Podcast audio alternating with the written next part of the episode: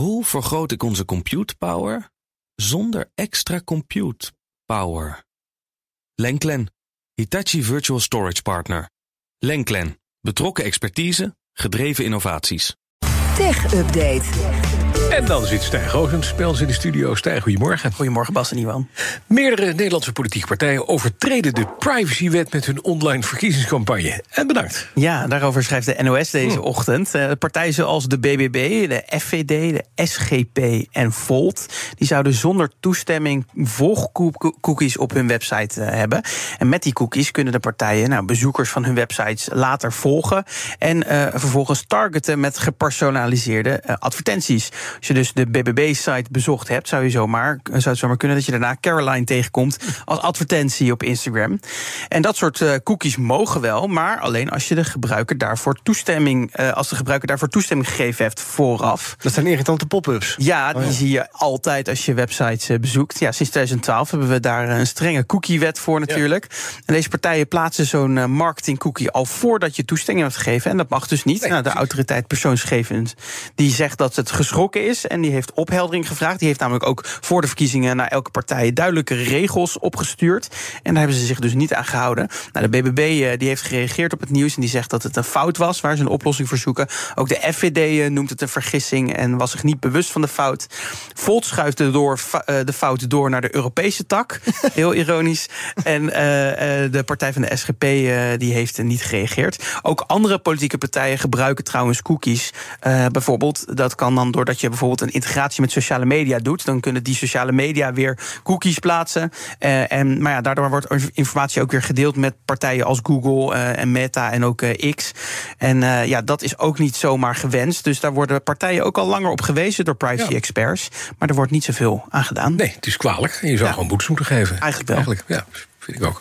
Na de populaire Super Mario film werd Nintendo nu aan een film over The Legend of Zelda. Ook dat is een game, hè? Ja, gisterochtend meldde mijn collega Joe al dat het Japanse gamebedrijf eh, goede financiële resultaten gepresenteerd had. Het verhoogde zelfs de winstverwachting door de grote vraag naar games voor de Nintendo Switch.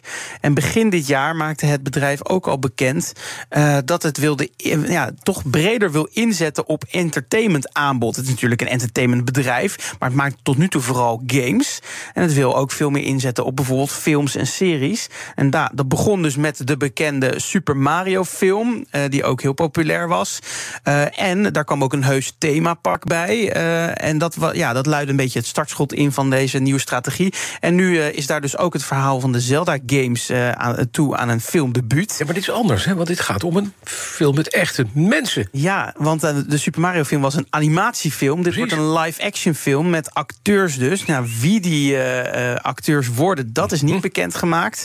Eh wel heeft de geestelijk vader van Mario en Zelda, Shi- Shigeru Miyamoto, gezegd dat hij al twee jaar lang werkt aan deze film. En hij heeft ook nog niet aangegeven wanneer die af gaat zijn. Dus dat kan ook nog even duren. Ja, het gaat dus inderdaad om een live-action film. Wordt samen met Sony gemaakt, co-financiering. En gerucht ging eerder dat het samen met Netflix zou zijn. Maar dat gaat dus blijkbaar niet door.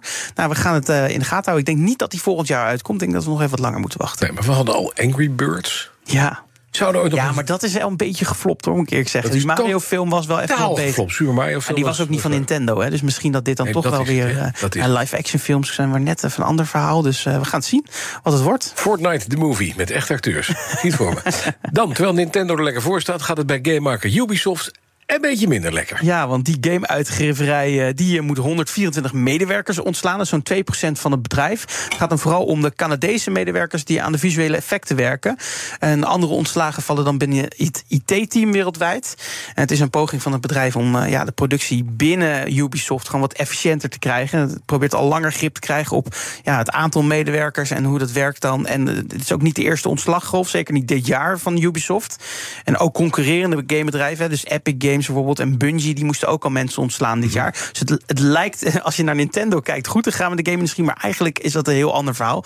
En wellicht dat Nintendo nog een plekje heeft voor al die mensen die eh, van, eh, van baan moeten Ja, of wisselen. ze doen Assassin's Creed, the movie, met echte doden. kan natuurlijk ook. Of omscholen tot acteur, dan kan je ineens Ja. een game spelen. Vind ik ook. 124 eh, Canadese acteurs laten afknallen. De baas van WhatsApp ziet in de toekomst een mogelijkheid voor reclames in WhatsApp. Wat wij niet willen. Nee, dat willen we zeker wij niet. willen dit niet. Dat hebben we al. Jaren gezegd dat we dat niet willen. Ja, en nu zegt toch opnieuw de baas van uh, WhatsApp in een Braziliaans van een interview met de Braziliaanse nieuwsmedia dat ze er nog steeds aan werken.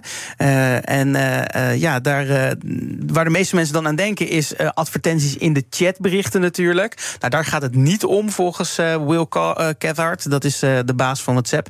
Het zou dan gaan om bijvoorbeeld advertenties in de nieuwe kanalen-tab. Dat is een, een plek waar je als bedrijf ja, met, je, met mensen op WhatsApp kan communiceren. Door, door bijvoorbeeld nieuwsberichten daar te plaatsen. Nou, daar zouden dan ook reclames kunnen komen. En ook in de statusfunctie. Nou, die gebruikt gelukkig niemand zo Prima, in Nederland. Plekken waar niemand kijkt. Precies, Nee, maar Ja, het in is wel zo. Want op het moment dat je dus Niet eh, kijken, toch? eh, op één plek eh, reclames gaat plaatsen, dan ga je ook denken: oh, nou kan het ook hier, oh, dan kan het ook hier. En op een gegeven moment heb je dus die hele app vol met de reclames. en dat willen we En voor niks gaat de zon op, hè? Nee, dat klopt. Ja, nou ja, Meta verdient genoeg geld met andere dingen. Maar eh, ja, we gaan zien eh, hoe dit uit gaat pakken. Ik hoorde enkele van je collega's laten zeggen dat het toch wel belachelijk is geweest dat men dat ooit toegestaan heeft dat Meta WhatsApp heeft kunnen overnemen. Ja, dat eh, had in eerste nooit natuurlijk. gebeurd. Nee, en ik hoop ook dat de EU misschien nog wat, wat wetgeving komt die ook dit voorkomt. Idem voor Instagram. is ook een Ja, Hetzelfde verhaal. zeker. Ja, schoon. zeker. Nog even kort, want BNR Digitaal vandaag, wat gaan we doen? Nou, we kijken onder andere naar, eh, of nou, dat doen Joe en, eh, en Ben natuurlijk, naar, naar de verdienmodellen van sociale media. Dus bijvoorbeeld, ja, reclames is eigenlijk niet meer de optie voor bijvoorbeeld Meta. Hoe gaat het er dan uitzien? En GPT-NL, groot nieuws was dat vorige week. In Nederland werkt aan een eigen AITA-model. En daarover gaan we het hebben met eh eh, Selmar Smit. Ja, vanmiddag om drie uur bij BNR Digitaal. Dankjewel, Stijn Roosens. De BNR Tech Update wordt mede mogelijk gemaakt door Lenklen. Lenklen. Betrokken expertise, gedreven resultaten. Hoe vergroot ik onze compute power zonder extra compute power? Lenklen. Hitachi Virtual Storage Partner. Lenklen. Betrokken expertise, gedreven innovaties.